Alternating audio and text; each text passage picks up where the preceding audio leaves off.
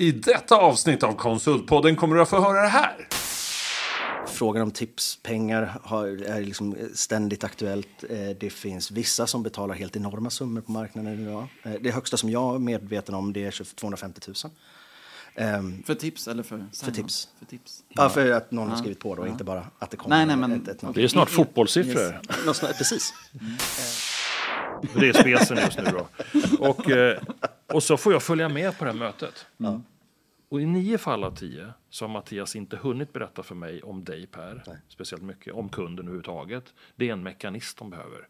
Följ med mig på ett möte. Och så sitter ni och pratar över huvudet på mig i 55 minuter.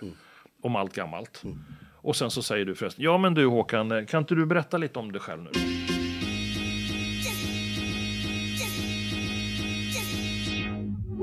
Konsultpodden, den största podden för dig i konsultbranschen.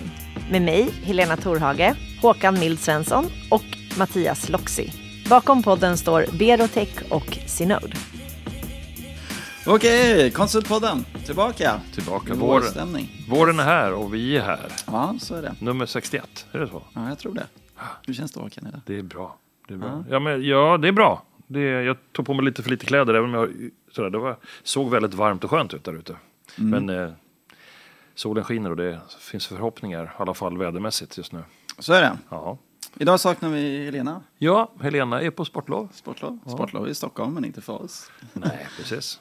Eh, nej, men det är klart vi saknar henne, så att vi försöker hålla låda själva. Yes. Och förstås har vi en härlig gäst idag. Ja, det har vi. Men det händer mycket i världen också. Eller ska vi presentera gästen? Ja, vi tar vi det. Gör det. Vi Han gör är en del av världen, tycker jag. Välkommen Per Tjärnberg. Tack så mycket. Tack så mycket. Hur känns det idag?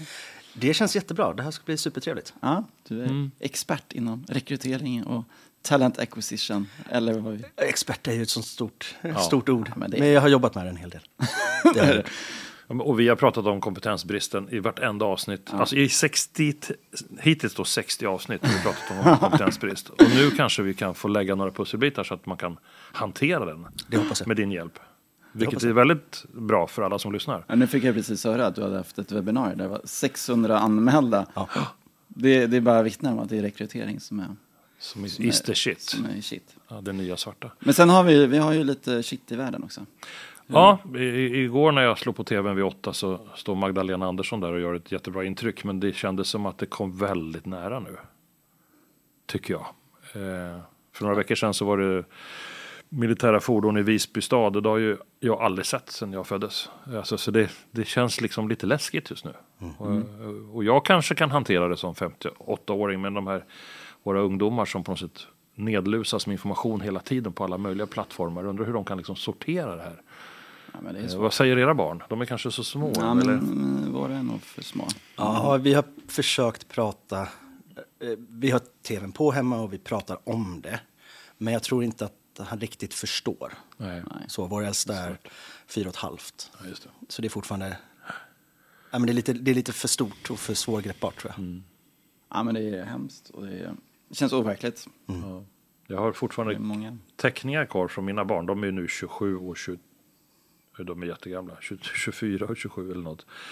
I samband med eh, flygplanen som åkte in i World Trade Center. Så det finns fortfarande bilder kvar när de sitter och ritar ett trasigt eh, en sur skrapa då. Och då var ju han då kanske två och ett halvt. Så det, det händer ju någonting med oss. Även fast vi inte vi kan inte sortera det. Men hoppas att det blir bra. Och våra unga kommer ju absolut klara sig. Men jag tänker på de som är där nere nu. Ah, ja, ja. Det är ju, ja. ja, du har ju vänner där nere. Och Ja, vi, vi har ju några bekanta som... som har. Ehm, bland annat eh, en person som, som faktiskt i detta nu, tror vi, vi känner oss rätt säkra på det, men vi tror eh, att hon är på väg att gå från Ukraina till Polen. För att ta sig, ta sig bort från det. Det är sjukt. Jag bara sitter och ryser. Så det, det blir väldigt nära som du säger. Ja, vad var det du sa? 64 mil? Eh, 69 mil från eh, södra, Gotlands södra spets till... Till- Ja, Och det är många, ja. Så det, det är ju det är inte långt. Nej, det är inte långt. Och det vet jag att det är många konsultbolag som har kontor i Ukraina. Ja. Så det är jättemånga som är, våra lyssnare som är väldigt drabbade. Ja. ja, men vi får skänka en tanke till alla berörda. Det är väl det enda vi just här och nu kan göra. Kommer att Och, prata eh, mer om det. hoppas att eh, vi alla sponsrar på något sätt via UNHCR och allt möjligt. All, alla bidrag är ju bra. Så är det. Men ska vi komma tillbaka till dig Per? vem, vem är Per? Du är ju expert där, så alla vet ju vem du är. Men precis. vem är Per Tjärnberg? Jag eh, heter Per. Jag eh, har en nästan hotfull roll känner jag ibland. Eh, Jag är Chief Innovation Officer. Vad det nu innebär. Men innovationsansvarig för eh, ett bolag som specialiserar sig på just eh, talent acquisition. Vi pratar TA. Eh, Kan, kan vi inte bara ta det här? Vi tar alltså, det. talent acquisition, Bryt ner det där rekrytering. avsnitt, så vi Ja, förstår. De gamla snackar bara om rekrytering, de vet inte vad talent acquisition är. Tänker på mig nu igen. Nej, det är ju, ja. Det spelar inte jättestor roll vad man, vad, så här, vad man kallar det för. Någon form av talanganskaffning är det vi pratar om. Eller kompetensanskaffning. Eller så här, humankapitalförädling in i bolag. Man kan säga det på olika, olika sätt.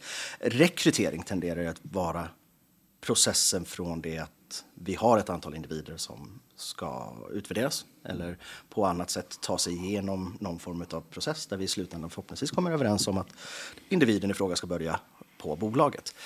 TA började ju komma för ja, i Sverige kanske fem, sex år sedan, sju, blir lite mer på modet just för att man började prata mer om ett bredare perspektiv. Inte bara vad gör vi när vi har en lång radda med människor som står och knackar på dörren och hur ska vi hantera dem? Utan också hur gör vi för att ens få människor som står utanför dörren? Okej, så det är lite, det är lite större? Ja, lite bredare? eh, Kan man jämföra det med att om, om försäljning är försäljning alltså, och marknadsföring är att, att skapa ett intresse för någonting. Är talent acquisition marknadsföringen inom... Ja, eh, Man skulle kunna säga så här att TA, och eftersom det är ett långt och knöligt uttryck så tenderar vi också bara förkorta och kalla det för TA. Så, nej, men, eh, talent acquisition skulle man kunna säga där mm, rekrytering och marknad möts och pratar sälj. Ja. Bra. ja, det är bra. Ja, vi har rätt ut det. Ska vi så bara köra lite kort bakgrund? Absolut. Eh, Jag har jobbat i rekryteringssvängen i alldeles för många år, 12-13 år. Så jag börjar bli lite till åren komna. Eh, Men har konsekvent liksom varit inom framförallt rekrytering av svårrekryterade kompetenser. Så mycket på techsidan, eh, mycket högvolymsprojekt, det vill säga ifall vi ska växa med många ingenjörer eller många utvecklare eller många någonting. Hur gör man då? Så det är väl det som jag egentligen har sysslat med eh, de senaste 12-13 åren. Mm. Lite bolag, nämnde lite titlar också. Namedroppa några då. Yes. Namedroppa några. Nej, men nu senast så satt jag så, som eh, Talent Acquisition Manager, eller rekryteringschef på Nitec. Som förhoppningsvis är välbekant för de som lyssnar på just Som har den här gjort podden. en eh, sjuk resa. Ja. Det var, Hur många var det ni? När ni ungefär började? 300 när jag klev in över tröskeln. Och eh, när jag slutade i våras så var det 900. Det är bra. Det är bra. Så du har lyckats. Det är varje din Är förtjänst. det det, som, är det det som har skapat personalomsättningen? Alla har gått till Nitec? Man skulle kunna tro det. Så, eh, nej, men så det var en jättespännande resa. Men det är och sen så. Ja. liksom inom ramen för mitt arbete nu så jobbar jag med en massa olika kunder. Yes. Eh, som flera förhoppningsvis lyssnar på den här podden. Ja, men berätta Några om vet jag. Recpro då. Ja, men RecPro det började för fem, snart sex år sedan. Som ett sätt att försöka möta det som då hände, vilket var att man gick ifrån att köpa rekrytering som, som commodity. Jag behöver en utvecklare, så då gick jag ut på stan och så gav jag en mängd pengar till ett bolag och så fick jag en utvecklare. Och så hände lite grejer där. Till att man behövde rekrytera så mycket och det blev så svårrekryterat. Så då började man satsa på att flytta in den typen av funktioner. Det vill säga göra det till inhouse-funktioner, för det var ekonomiskt rationellt. Jag rekryterar så mycket och istället för att gå och köpa det på stan, ja, men då flyttar jag in det och så bygger jag en egen förmåga i det. Men så fort du flyttar in en funktion på det sättet så händer ett antal saker.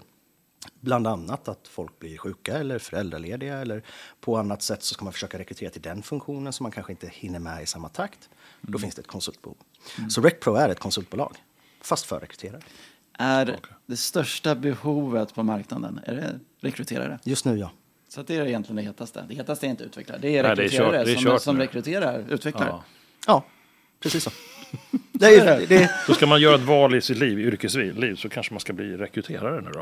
Eh, Det är absolut inte ett dumt och dåligt val, skulle jag säga. Sen så sätter det en hel del förutsättningar och krav på en, men det, det, det är roligt och det behövs och det satsas extremt mycket på det just nu. Vi, vi kan ta det. Eh, vad behöver man som rekryterare för egenskaper? Vi, vi är också lite så här, vi, vi, vi är 30 pers, men vi är verkligen så här, nu, nu det måste jag ha en Mm, börjar bli dags. Ja, jag kan tänka mig det. eller TA. Yes. Eh, om, om jag skulle drista mig åt att definiera det så att man behöver en person som har en extremt hög egen förmåga avseende att skapa struktur och ordning.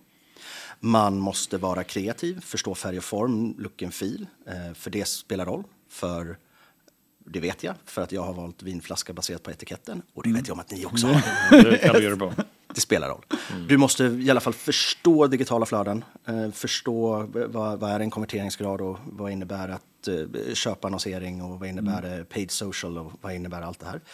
På det så behöver du ha åtminstone en grundläggande förståelse av psykometri. Eh, det är jätte, jättebra ifall du dessutom är intresserad av människor. Men man börjar inte med rekrytering, eller man bör kanske inte börja jobba med rekrytering ifall man bara gillar att jobba med människor, för det är så många andra saker som faller in i det. Mm. Stakeholder management är superduperviktigt, eh, få med människor på tåget, kunna leda genom förändring. Jättebra ifall man har en teknisk förståelse så att man åtminstone kan greppa vad en API är och hur den funkar och mm. hur man kan hantera data.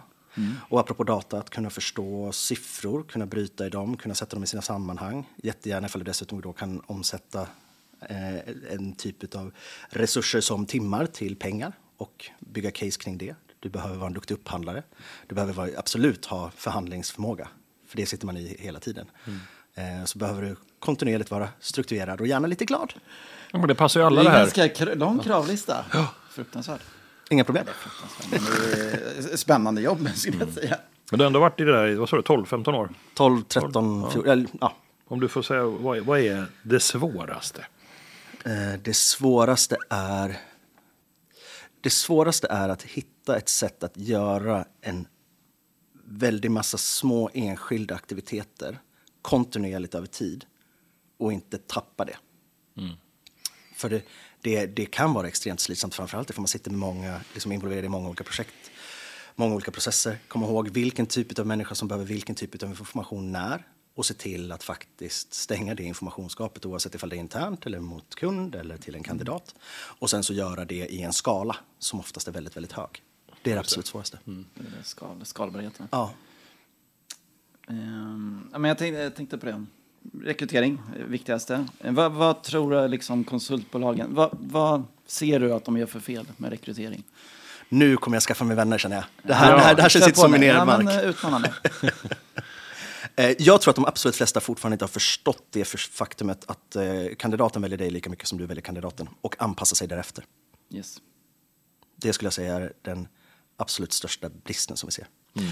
Och i det ligger också eh, när jag liksom kollar på processer eller designar eller fixar och donar så brukar jag återkomma till att man designar för regeln och inte för undantaget. brukar liksom ha gynnat mig väl och att man hela tiden har någon tanke om vad är minsta gemensamma nämnare. Och minsta gemensamma nämnare med kandidater är att de är människor. Mm. Och det finns alldeles för många som i alldeles för få tillfällen behandlar de personerna som är deras potentiella kandidater som människor. Det är det största felet man gör. De försöker trycka in dem i en, i en process I som en process, utgår från sig själv? Ja, bara. i en fyrkant. Man tycker att det är okej okay att eh, dyka upp till sådana typer av samtal oförberedd. Mm. Man har lärt sig ett sätt att rekrytera på, så då går man lite på rutin mig vetligen så är det inte speciellt många människor som responderar särskilt väl på att sätta sig ner i ett samtal och känna okej, okay, jag är det rutin. Jag spelar ingen roll i det här. Mm. Och det funkar inte längre. Glömma bort att höra av sig, bortprioritera mm. sådana möten, göra ett halvdant jobb med att återkoppla. I den bästa utav världar säga nej, ibland inte ens göra det mm. in, i sinom tid. Jag blev nej-tackad för en process som jag var involverad i för lite mindre än ett år sedan, för ett par veckor sedan. Och då blir det så här, jaha. Så. Ja, just det. Jag det är det största felet. Gamla mejlet, ja. ja. Exakt. Men, men egentligen låter det som att marknaden är, eh, för att kasta tillbaka risken att bli ovänner, men det låter som en sjukt omogen marknad. Ja.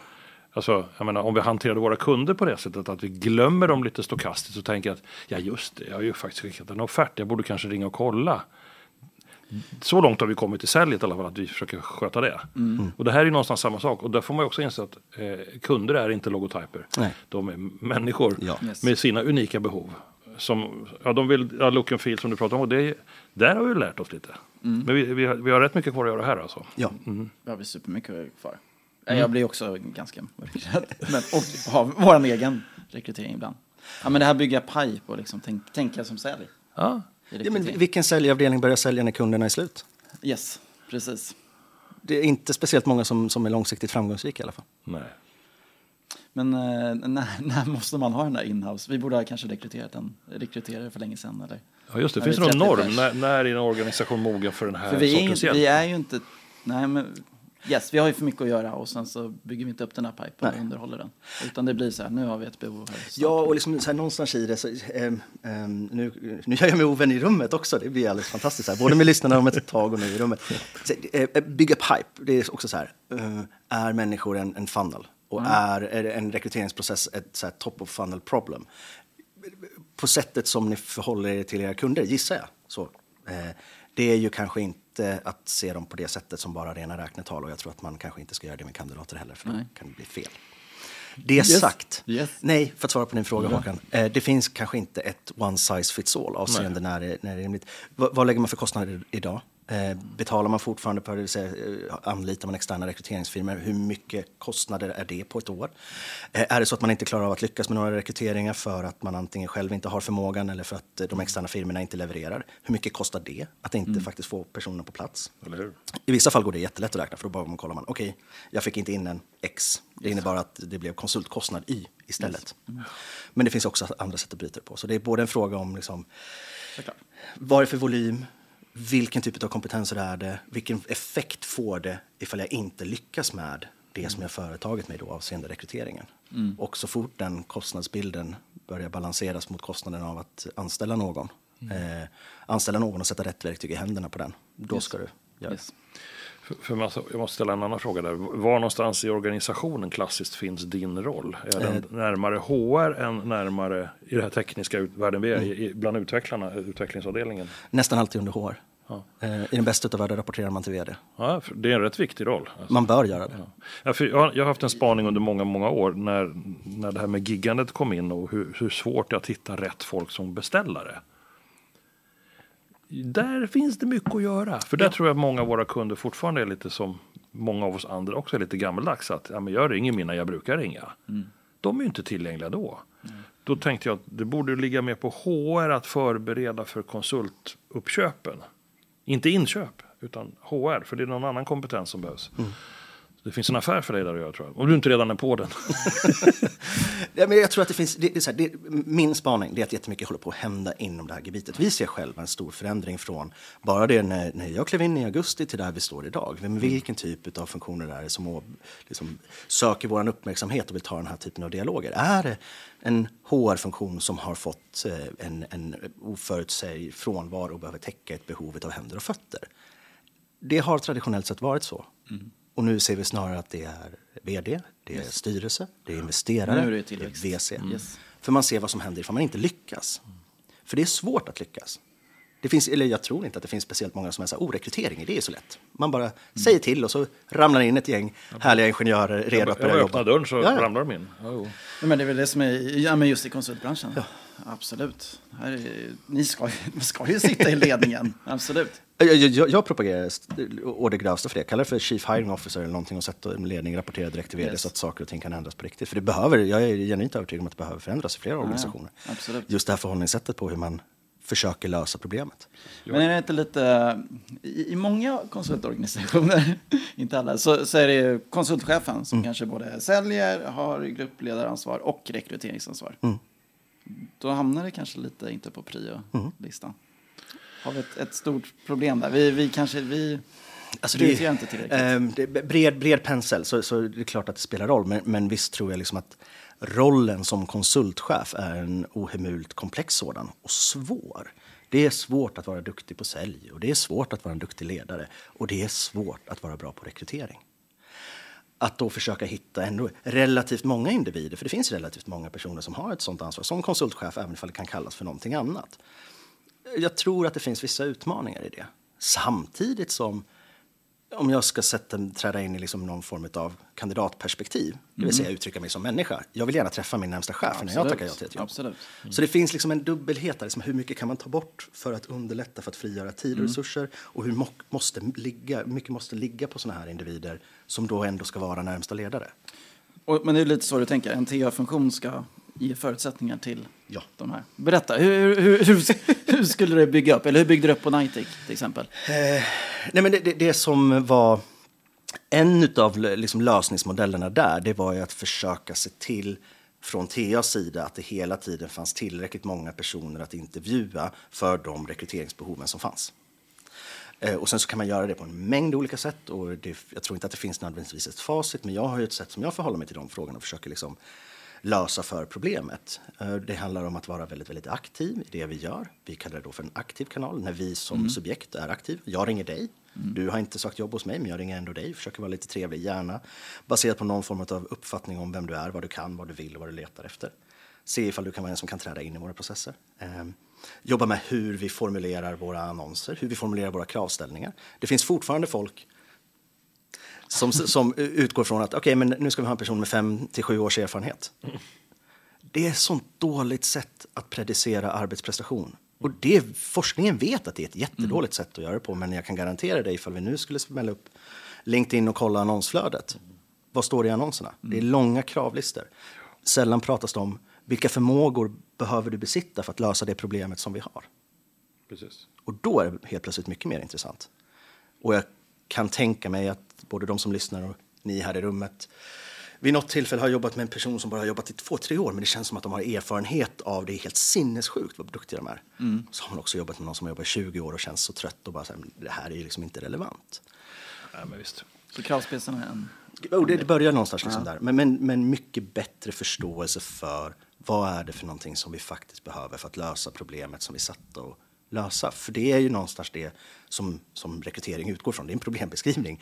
Här har vi ett problem som behöver lösas och vi har inte de individerna eller den tiden för att lösa det baserat på de personer som redan finns i bolaget. Då behöver vi ha någonting annat. Vad behöver man ha för förmågor för att lösa de problemen? Hur definierar vi det? Hur kommunicerar vi det?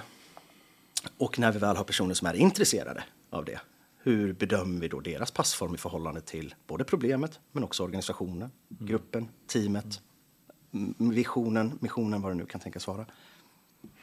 Ja, det är spännande. Jag har ju varit sån där konsultchef, platschef Ja, yes. under jättemånga år där, där jag då förstås både var ansvarig för ekonomin och lokalerna och rekryteringen och marknaden och säljet och beläggningen. Dessa, dessa, det är ungefär som, det går inte att få ihop det i hela tiden för att eh, okej, jag skulle visa lönsamhet, då är det inte jättebra att ha sju på bänken. Men de är ju säljbara, så att det, där, det där schizofrena livet gör ju att det är svårt i ett lite mindre bolag att både leverera ekonomin samtidigt som man vill vara strategisk. Så jag tror att Proaktiv. ja, det gäller att, att våga vara proaktiv och ha en, ha en pipe när det gäller säljet som är så stark så att man vet hur man tror. Man kan i alla fall gissa sig hur nästa halvår ser ut. Exakt så. För springer man bara för det som syns vid fötterna just nu, då är man ständigt efter. Ja. Eh, så det, jag tror det är ute på den här metoden och, och liksom analysfasen tror jag är lite viktig för att kunna våga rekrytera utan att du vet. Ja, precis så. Du, du pratar om att Tea ska leverera kittade personer. Nu, nu gör jag citationstecken igen på Ja. det. Det, det, det bästa. här borde nästan vara på film. ja. Vad, vad, det är ett begrepp som du kör med. Berätta. Ja, eh, det det är ett begrepp som jag with pride stal för någon gång 2008 eller Säg 2009. att du har uppfunnit det. Nej, inte överhuvudtaget. Men eh, qualified interested available, det är en, en, en vad man för, någon form av föregångare inom mm, min bransch som drev en blogg som kallades för Boolean Black Belt. Som bland annat då delgav en Excel-snurra för att man skulle kunna planera sitt eh, TA-arbete. Då jobbade jag extra på en, en firma som tillhandahöll eh, just rekryteringstjänster. Och så tog jag den och så började jag använda den. Så, sen så har det begreppet lite levt med mig, just där qualified interested available, som jag sen började liksom införliva i det, det arbetet jag gjorde. Som sedermera då blev KIT, kvalificerade, intresserade och tillgängliga. Mycket också för att kunna förklara skillnaden mellan en rekryteringsprocess och allt annat som vi gör inom ramen för TA. Och en kittad kandidat är en individ som är kvalificerad utifrån de förmågorna som man behöver för att lösa problemet som vi vill ha löst. De är intresserade, det vill säga att det finns ett inköp och förståelse för vad är det vi erbjuder. Vilket också inbegriper hur ser lönebilden ut, vad är, liksom, hur ser ersättningsmodellen i övrigt, har jag några andra förmåner, vart ligger kontoret? Alltså, man är intresserad, man tycker att det här är någonting som tilltalar mig. Och den tredje biten som jag upplever missas otroligt ofta och det är tillgängliga. Jag kan tänka mig att byta jobb. Hur många förutsättningslösa intervjuer har genomförts bara senaste veckan i det här landet tillsammans med individer som egentligen inte var redo för att byta jobb? Alldeles mycket. Får jag bara återkomma till försäljningen? Jag- När jag hörde berätta om Kit. Det är exakt samma som när jag försöker etablera en ny kund som inte haft förut. Det tar ett och ett halvt år. Eh, Råkar de ha ett behov samma vecka jag ringer, då kanske det går på två månader. Men om det egentligen inte finns ett behov, de är inte kittade, de, de ser inte mig som en kit. Nej. Utan det tar ett och ett halvt år att bygga relation, är eh, aligna med deras förväntningar, korrigera det vi har att erbjuda så att det blir deras Ja. behov. Det är precis samma sak. 100 Så är det. procent. Det. Och ändå så jag skulle vilja drista mig till att påstå att väldigt många fortfarande då mäter eller ser en sån här förutsättningslös första intervju som en del av en rekryteringsprocess. Och sen när det kommer, antingen att man själv gör det eller när en sån som jag kommer in och kollar på det och bara, men herregud varför, varför är det bara en utav fem som tar sig vidare till en andra intervju? Det här är ju ett liksom, resursslöseri utan dess nåde. Är det för att man tror att de här personerna är kittade? Om vi istället då börjar se som att ja, det är när alla de här tre kriterierna är uppfyllda som den rekryteringsprocessen eller urvalsprocessen från bådas perspektiv egentligen tar fart. Vad gör vi då med allt annat som vi gör? Det som är relationsbyggande. När vi försöker etablera, precis som i vilket konsumentsammanhang som helst, 7-9 touchpoints innan beslutet är fattat. Synas på relevanta platser, ha relevanta budskap, bygga relevanta relationer, precis som du säger Håkan. Jag menar, det är inte det att det är bortslösad tid med de här förutsättningslösa bitarna. För det kanske blir något om ett år. Det kanske blir något om ett år, men vi kanske inte ska mäta det med samma sätt. Nej, nej, nej. Och, liksom och ha förväntan på att det ska leda någonstans. Så. Och jag har en, en, en modell som jag ofta återkommer till just det där som handlar om så här, okay, men alla de här andra aktiviteterna, eventet eller träffas på mässan eller ta en sen middag eller en vanlig lunch. Liksom så. Allt det där, det kanske inte är någonting som nödvändigtvis mår bäst av att mätas i termer av hur många och när i tid. Där behöver vi kanske inte ha processeffektivitet om vi gör det på ett sådant sätt så att vi kontinuerligt skapar det flödet av kittade kandidater som matchar de behoven som vi kan prognostisera med. Det är lite killgissningar involverat, liksom. eller tjej, gissningar kanske man ska kalla det för. Det är lite gissningar involverat i det, antaganden. Och får man ju revidera de antagandena. Men om du har en hyfsad idé om vad du håller på med så är det troligtvis inte bortslösad tid. Ah, Okej, jag trodde att jag skulle behöva en cybersäkerhetsexpert i Q3. Det behövde jag inte, det blev Q1.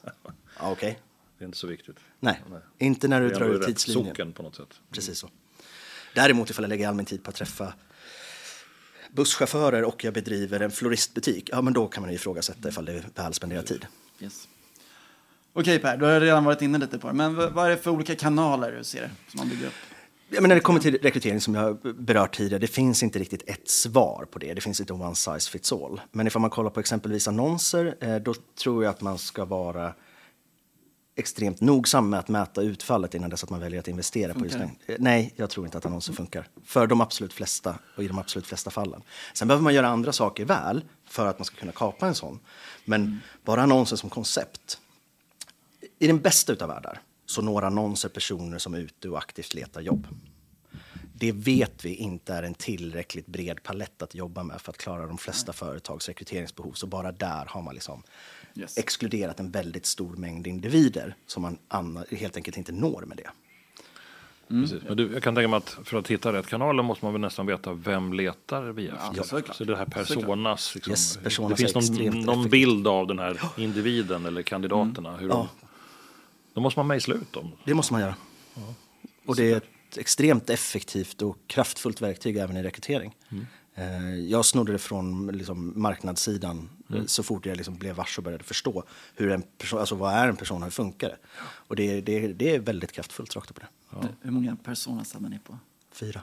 Fyra? Fyra. Ja, Okej, mm. Okej, men vad, vad är kanaler tillbaka? Vad är, är, det, är det kallsamtal? LinkedIn? Någon gång så blir det alltid ett kallt samtal, men jag, jag, jag tror att man ska väldigt snabbt släppa idén av att den mest intressanta kandidaten det är den man inte ännu har träffat på.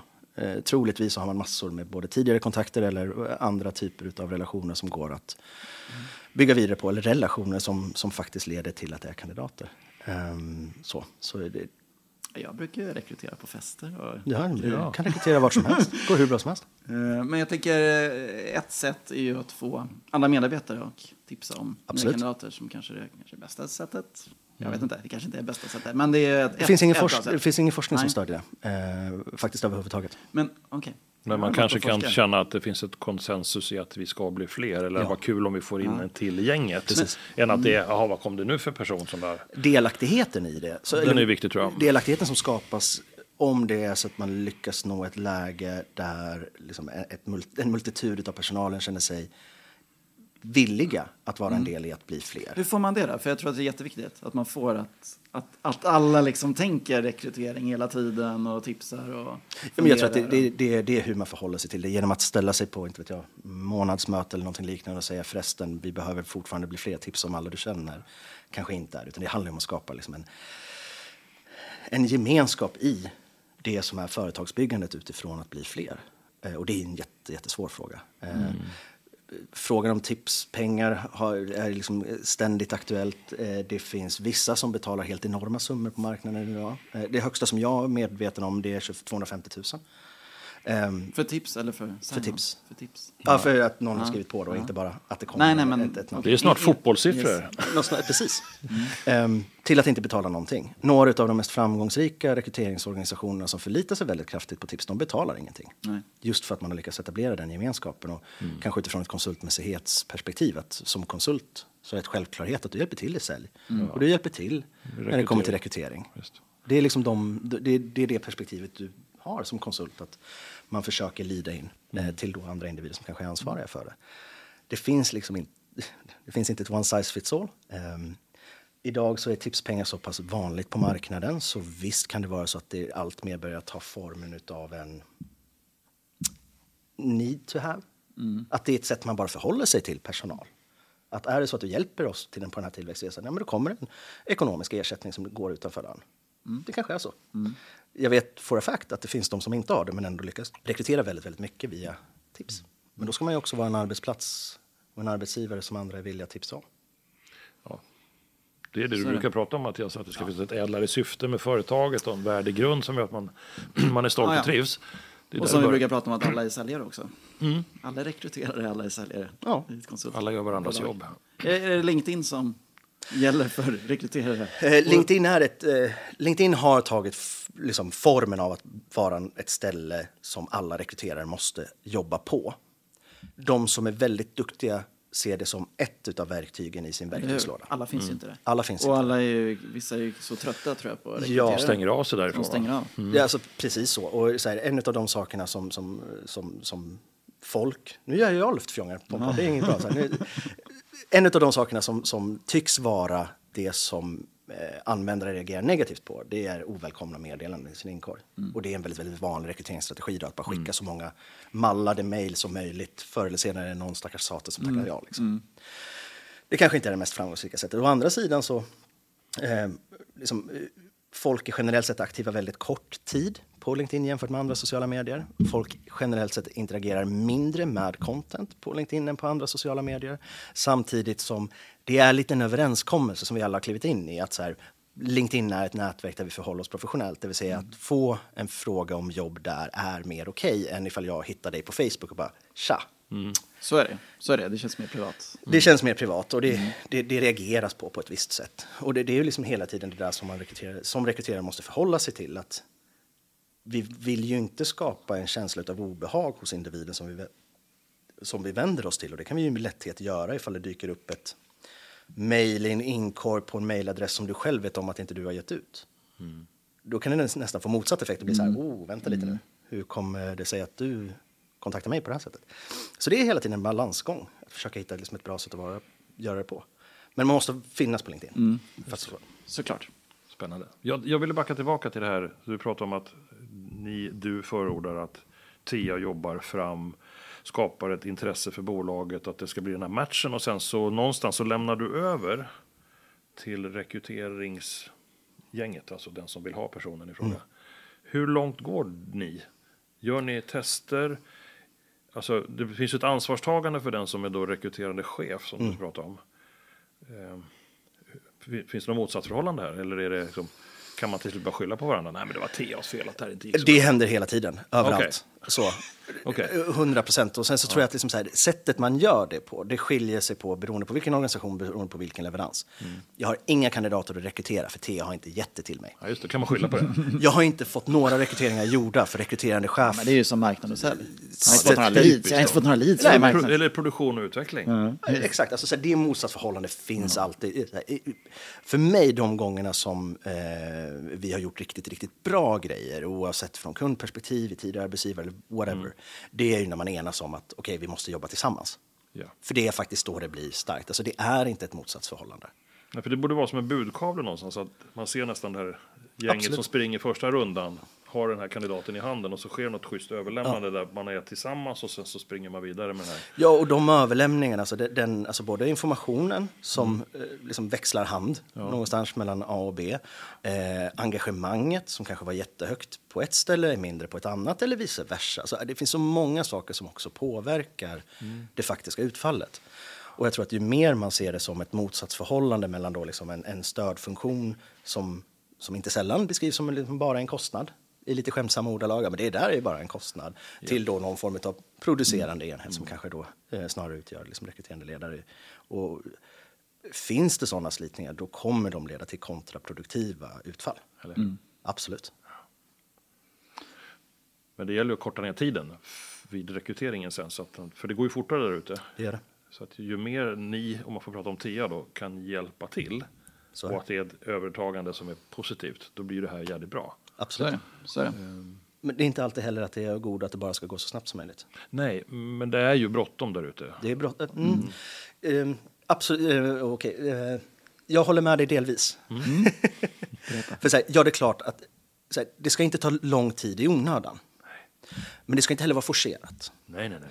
Så, och, och vi tenderar ju, och med vi så menar jag liksom med en väldigt, väldigt bred pensel, TA, liksom bolag överhuvudtaget tenderar ju att vara väldigt liksom, i processer genomförande styrda. Vi ska göra det här för att vi ska göra det.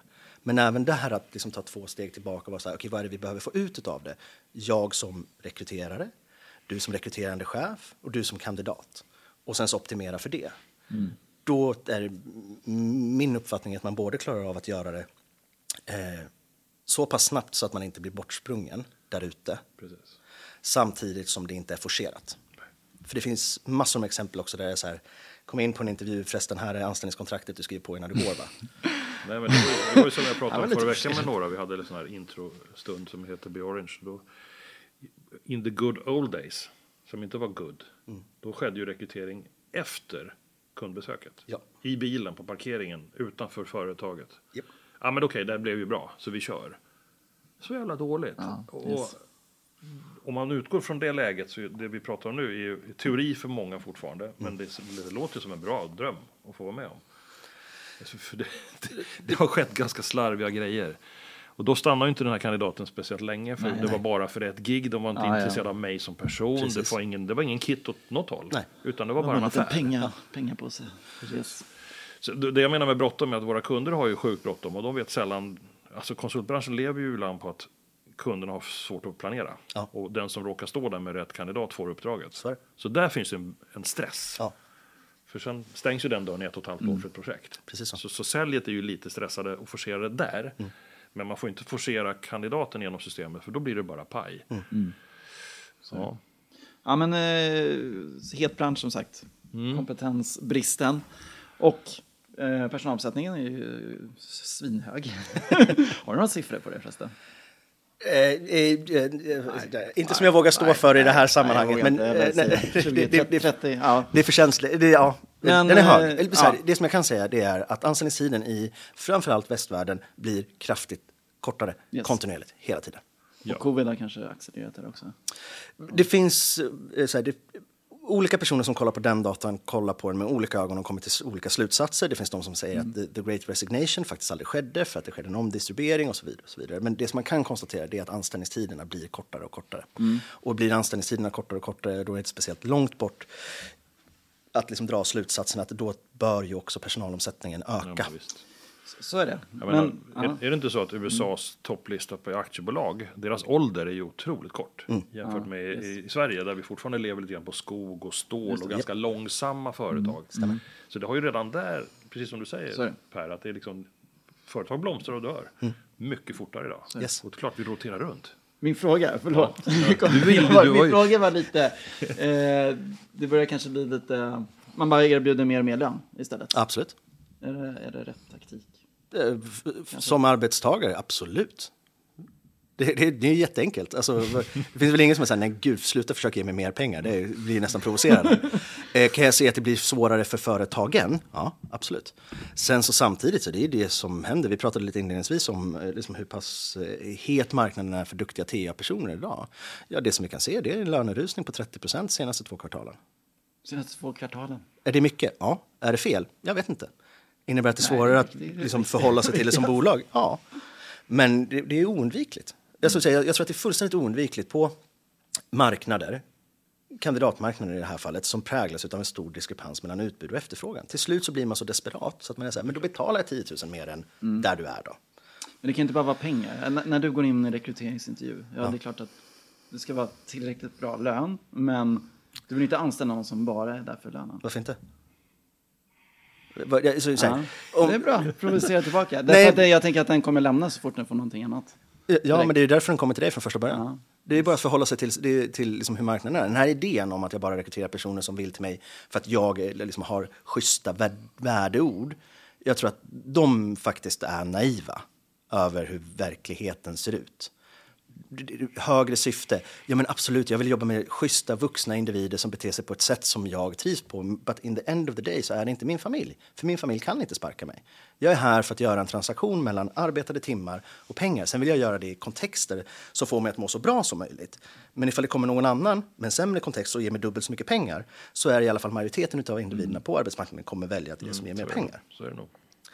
Och det, det, är inte kul att höra tror jag för många som liksom vill vara det där stället man är på utav ett annat skäl. Men man kan inte förvänta sig att en arbetsstyrka förhåller sig till dig som arbetsgivare på något annat sätt än att här är min insats, ge mig mina pengar. Här finns det någon som betalar mer för samma insats. Att det också då är lätt för mig att flytta på mig. Den, den, jag tror att det är liksom lite önsketänkande och det är lätt att peka på det. Eh, Speciellt i kanske. Det, det kliar i kroppen på mig. För det gör, du, du säger saker som gör ont, men du har Ja, ju nu, rätt. nu gjorde det ont hos många. Och det är jag kommer få så många vänner efter det här känner jag. Ja, det känns ju bra. Eh, lycka till där ute. Ja, men precis. Grattis! Nej, men jag, vill inte, jag säger inte för att vara provokativ överhuvudtaget. Jag tror bara så här, det, det är vissa så här hard truths som man måste förhålla sig till. Att nej, det, du måste ha värderingar. Och ja, man kommer välja allt annat lika mellan där man känner sig mest i en kontext där jag vill vara. Men ifall resten av marknaden börjar dubbla lönen, då kommer jag inte ha personal kvar. Sen så, så här, får man kolla på det från andra sidan. Eh, McKinsey gjorde en fantastiskt intressant studie kopplat till The Great Resignation där de mm, då lät ett antal arbetsgivare, väldigt, väldigt många, försöka definiera vad var skälet till att personalen gick. Så var det nästan alla som radade upp massa transaktionella saker. Det var pengar, det var en snabbare karriärutveckling. Ba, ba, ba, ba, ba. Sen så frågade man personer som hade bytt jobb. Vad var de främsta skälen till att du bytte? Det var nästan bara relationella skäl. Jag blev inte sedd, blev inte uppmärksammad, min chef och så vidare. Och så vidare, och så vidare. Så det är fortfarande alltid liksom en kombination, för det är klart att det finns. Men då, då kanske svaret på TA-utmaningen är att ge dem du vill ha jävligt bra betalt, så behövs inte TA. Absolut. Prata bara om pengar. Du kommer ju klara dina rekryteringsproblem. Om du betalar dubbelt så mycket som alla andra i din nisch eller bransch. kanske inte så länge heller. Då. Nej. Och det kanske inte blir så långsiktigt. Så, så här, det, det, det är därför som jag också återkommer och säger så här, men det finns inte ett svar för det. För det, det, är, för, det är för många rörliga aspekter, det är människor i båda led, så förutsägbarheten är väldigt, väldigt låg. Egentligen så när man sitter som jag så ska man ju vara extremt vaksam med att komma med några sanningar överhuvudtaget. För antingen så är de felaktiga när jag har sagt dem eller så kommer de vara felaktiga från det, efter att vi har gått ut genom rummet. Den- Jag ser det mer som att man behöver nog förhålla sig till De krafterna ja. till de krafterna på ett sätt som kanske är, som är lite annorlunda än tidigare. För jag, jag tror att det här är, det är inte en trend, det är en resa vi är på väg. Jag menar, för 30 år sedan så pratade man inte riktigt så tydligt som du gör nu. Genom att globalisering och informationen är tillgänglig för allt och alla just nu så vet man vad lönesättningar är och vad värdet är och hur bolagen går på ett helt annat sätt än man gjorde förr. Då var det mer lojalitet som värderades, tror jag, eh, än vad det låter som nu. Och det kan man ju bli ledsen för, eller så får man bara lära sig att förhålla sig till det. Eh, Men jag, jag tror att det, om jag kollar till mig själv som individ, jag tycker att lojalitet är ett extremt attraktivt karaktärsdrag hos andra indi- individer. Jag uppskattar det superduper mycket och skulle jag sätta mig i en kontext eh, liksom, där- där, jag som, som ledare för ett team, ja men då skulle jag värdesätta lojalitet. Men jag skulle inte vara naiv inför att ifall någon i min personal skulle kunna få ett substantiellt lönelyft eller helt andra förmåner eller för den delen någonting annat, kortare tid till förskola eller möjlighet att jobba hemma eller Vad den som, som på riktigt förändrar deras liv. Då tror jag att man sätter sig på en rätt hög häst ifall man som ett företag tänker sig att ja, men då ska vi fortfarande uppbära den här lojaliteten för jag är jag och här är min logotyp och här är våra värderingar. Jag tror att det är liksom mer liksom den typen av förståelse som Ja, ja, absolut. behöver bringas till det att ingen är livegen. Och har inte. Alla runt, runt omkring antingen förändrat eller i vissa fall förbättrat sina erbjudanden till samma kompetens, samma individer som jag försöker rekrytera. Då kan jag antingen förhålla mig till det eller så kanske det inte går så bra. För jag menar, apropå liksom din, take på lön där, Mattias. Alltså, jag tror aldrig att jag har suttit i ett möte där man försöker förstå vad som krävs i en rekrytering, ett kravprofilsmöte eller intake-möte om man vill kalla det. Frågat om löneläget och någon har svarat nej men vi ligger lite under marknadsnivå. Alla säger att vi, vi betalar ungefär marknadsnivå. Ja. Och då är frågan, är uppfattningen om vad marknadsnivå, vad den är, är det den som stämmer eller? Nej, har vi olika bilder där? För där kan jag säga, det, det är ett återkommande liksom sånt gissel för rekryterare. Bred pensel.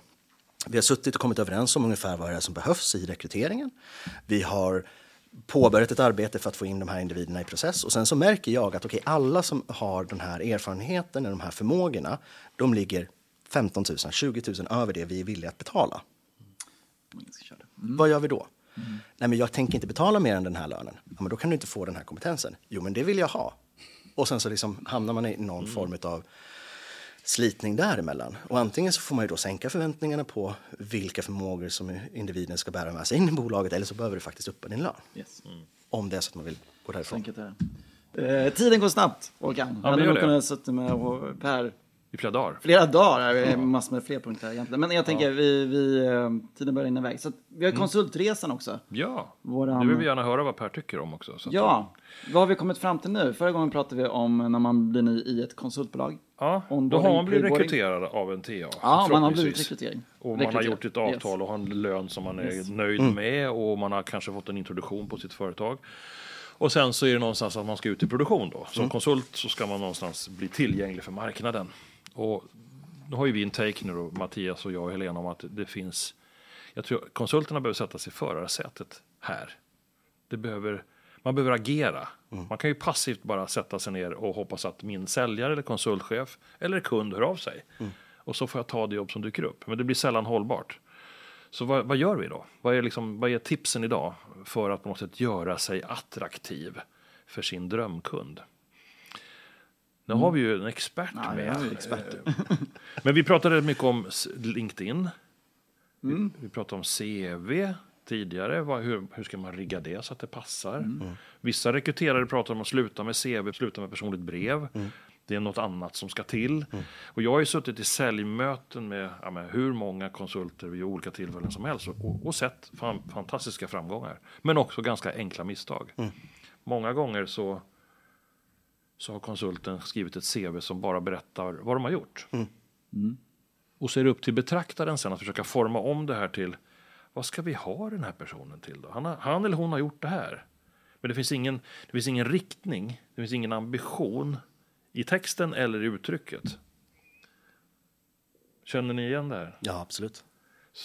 Mitt tips till alla som lyssnar och till er, om ni inte själva, det är ju någonstans att försöka göra sitt CV eller sin, sitt uttryck ifrån och visa någon riktning. Med allt det här jag har gjort så skulle jag vilja göra det här. Jag tror jag är ämnad för det här. Då blir man ju mycket tydligare inför ett kundbesök, inför en ny drömkund, än att bara lämna CVt. Så här, ja, men, många gånger har våra konsulter förr i tiden kanske sa att ja, då sitter säljaren, om man tar ett rollspel, om, om Per är då kunden, mm så har ju ni träffats, du är säljaren och jag är konsulten. Så har ni suttit, ni har ju pratat ett och ett halvt år. Ni är kittade mot varandra, allting funkar och du har kommit med ett behov. Gått till Mattias och sagt att vi skulle behöva en mekanist som är 52, 58 år gammal och lite trött. Det är spesen just nu då. Och, eh, och så får jag följa med på det här mötet. Och i nio fall av tio så har Mattias inte hunnit berätta för mig om dig Per, speciellt mycket, om kunden överhuvudtaget. Det är en mekanist de behöver. Följ med mig på ett möte. Och så sitter ni och pratar över huvudet på mig i 55 minuter om allt gammalt. Och sen så säger du förresten, ja men du Håkan, kan inte du berätta lite om dig själv nu då? Och vad händer då? Jag sätter mig skitnervös och läser innantill ur mitt CV. Och i nio fall av tio så säger kunden, ja men det här känns ju bra. Alltså väldigt dålig beställare. ibland säger de, hörru du, det här har jag ju läst, det är därför du är här. Berätta vem du är. Och då bara, ojsan. Så mina tips nu då till alla som lyssnar är att, gör din CV framåtriktad. Vad vill du göra? Vad kan du bidra med? Och det andra är att kanske inte läsa till. Har ni något tips i samband med det- här första? Men, men, ja, jag, jag hade ju lite andra tankar när, Ja. vi, när vi preppade det här med, med konsult-CVn. Vi kommer ju från ett... Ja, men du är ju så, håller Ja, på med sådana modeller. Yes, ja, men vi, metoder. vi brukar ju skryta om Ja, att men då vi tycker du ska göra flest CV-mallar i Sverige i alla fall. Eh, men lite om, om man får en förfrågan, Mm. just konsultbranschen, nu, nu, det- nu är det konsulternas marknad. Men eh, det är ju superviktigt med ett CV när man skickar in, för det kan ju vara hundratals Mm. som kommer in samtidigt. Så vi, vi tänker ju mycket på att den där CV-mallen och CV är väldigt viktigt. Sen när du kommer på mötet, absolut. Mm. Eh, och du ska vara framåtriktad i texten. Eh, men just första sidan är ju liksom superviktig. Mm. Att du presenterar dig själv, kort, inte långa. Eh, presentera vad du haft, relevant Mm. bakgrundsinfo såklart. Tidigare uppdrag. Eh, och eh, sen är det ju tyvärr nyckelord, eller tyvärr ska jag inte säga. Men eh, vi tittar ju mycket på nyckelord, Mm. inköparna och så vidare. Så att få fram de här kompetenserna direkt Mm. på, på första sidan. Precis. För just komma till en intervju om du har fått en Ja, förfrågan. om man ens får komma dit. Ja. Precis. Om man får komma dit. Sen håller jag med att vi, vi ska jobba mycket mer med texterna. Ambition, vad man vill framåt. Eh, såklart. Precis. Ja, men det, det man frågar efter får man ju.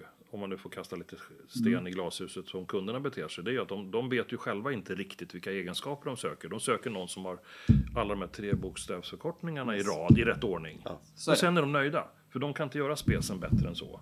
Och då svarar vår bransch exakt så. Mm. Och vad händer sen? Jo, då hoppas man att personen är konsultmässig nog att kunna anpassa sig till verkligheten sen. Så jag tror, ja, det är en dålig beställare Yes, och vi lallar med Mm. som bransch. det. Men vi skulle egentligen prata lite om hur, hur ska jag som konsult hitta mitt eget drömuppdrag då? Vad är det jag kan göra mer? Hur, hur, har ni något tips på hur jag kan på något sätt positionera mig i den här spännande branschen för att nå en spännande kund? Vad kan jag göra? Innan det ens är klart med Innan en ens förfrågan. det kommer en förfrågan. Mm. Ja, men vi pratade förra gången lite hur man gör internt. Eh, internt presentera sig för säljare och chefer och Ja, så att alla har tankar. Precis. Men eh, vi kan ju prata om LinkedIn, absolut. Den tror jag är minst lika viktig i när man blir konsultaffär och inte bara en CV-affär. Jag tror, det. jag tror på LinkedIn. Att, att Bygga upp sitt personliga varumärke. Och eh, har man lämnat en CV, den där personen kommer kolla LinkedIn. Absolut. Att, eh, och även, även om det är konsultgig, vem som känner vad och Mm. ditt CV och LinkedIn eh, så stämmer de överens? Absolut. Men jag, jag, eh, när vi möter ett någonting så är det så otroligt naturligt för oss att vända oss till närmsta webbläsare och söka på det. Så ifall det är liksom ett företag eller en person eller vad det nu kan tänkas vara. Att vara medveten om att det är så de flesta, jag vill nästan drista mig till att säga alla, förhåller sig till när man möts av det här. Det är nog en jättebra idé. Och som du säger, se till att finnas på LinkedIn, vara uppdaterad där. Det är inte fel eller dåligt alls. Inom de flesta branscherna så finns det någon form av community. Ifall det är ett event eller ifall det är föreläsning eller mm, dis- hackathon. Det tar ju sig olika uttryck liksom beroende på hur man skär den kakan. Men att det finns community för det här särintresset eller subgrupperingen, det kan vi nog utgå från sa- är sant. Och då också vara aktiv och engagerad där. Yes, där kommer ditt drömuppdrag i det nätverket. Och tror jag, om man nu får vara, att stålka en kund, det låter ju fult kanske, men att, att är jag väldigt sugen på att nå en speciell marknad, en speciell kund, att försöka följa de personerna som är där. Ja. Yes. Gilla det de skriver om. Ja, ja. Kommentera och bli Yes. en del av Yes. deras lilla nätverk utan att ni har träffats. Någonstans efter ett halvår kanske så här, ja men den där Per, Mm. det känns som jag känner honom. Och den dagen du får komma på kundbesök då Per, så är ju ni redan lite längre gångna Yes. i en relation. Så jag tror att passa på och gör det. Så ser man som Per, man är med i poddar. Så lyssnar man på Per, ja, men Ja, eh, han ska vi ha till våra drömuppdrag. Så, så är det. Bra, men nästa gång så ska vi väl också prata lite ännu mer om hur man gör vid själva intervjutillfället. Ja, Det blir där, där spännande. skulle nog Per också kunna vara med.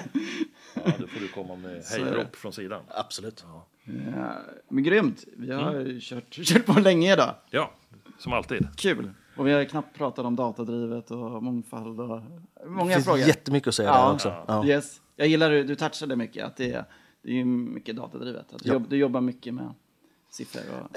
Det, det, ja, absolut. Och det handlar inte bara om att få ut en, så här, en kopi på time to hire, hur lång tid tog det att tillsätta, utan också skapa en förståelse för det som händer. Yes. Våra system är digitala, vi genererar massor med data, men hur navigerar man i det och hur skapar man insikter kring det? Yes. Väldigt spännande, tycker jag. Ska vi kunna ha ett, Bra. Det blir ännu ett avsnitt ett avsnitt? Vi kommer förlänga det hela tiden. det, det kommer bli dags. Vi förökar oss av oss själva hela tiden. på något konstigt. Men hörni, det- vi behöver avsluta nu. Ja, vi får göra det. Tack Per för att Härligt. du ville hänga med oss. Det var så och dela med tack dig av din kunskap. Ja. Tack så jättemycket. Och för första gången har vi faktiskt en, en gäst också från Gamla stan. Jag måste bara nämna det. Det är härligt. Yes. Vi har faktiskt eh, barn i samma förskola. Det har vi. Ja. Det är också ett sätt att bygga relationer. Det- du- Sätt ungarna på samma förs- förskola du- som dina kunder Där, är. där finns det här affärer på förskolan. Där har det kommit mycket. Bra tips idag. Tack snälla! Tack. Hej då! Ni har hört avsnitt 61 av Konsultpodden med Håkan Mild Svensson från Berotech och Mattias Loxi från Synode. Gästade gjorde Per Kärnberg från Rec Pro. Vi har producerat på Septemberfilm och tack för att ni har lyssnat.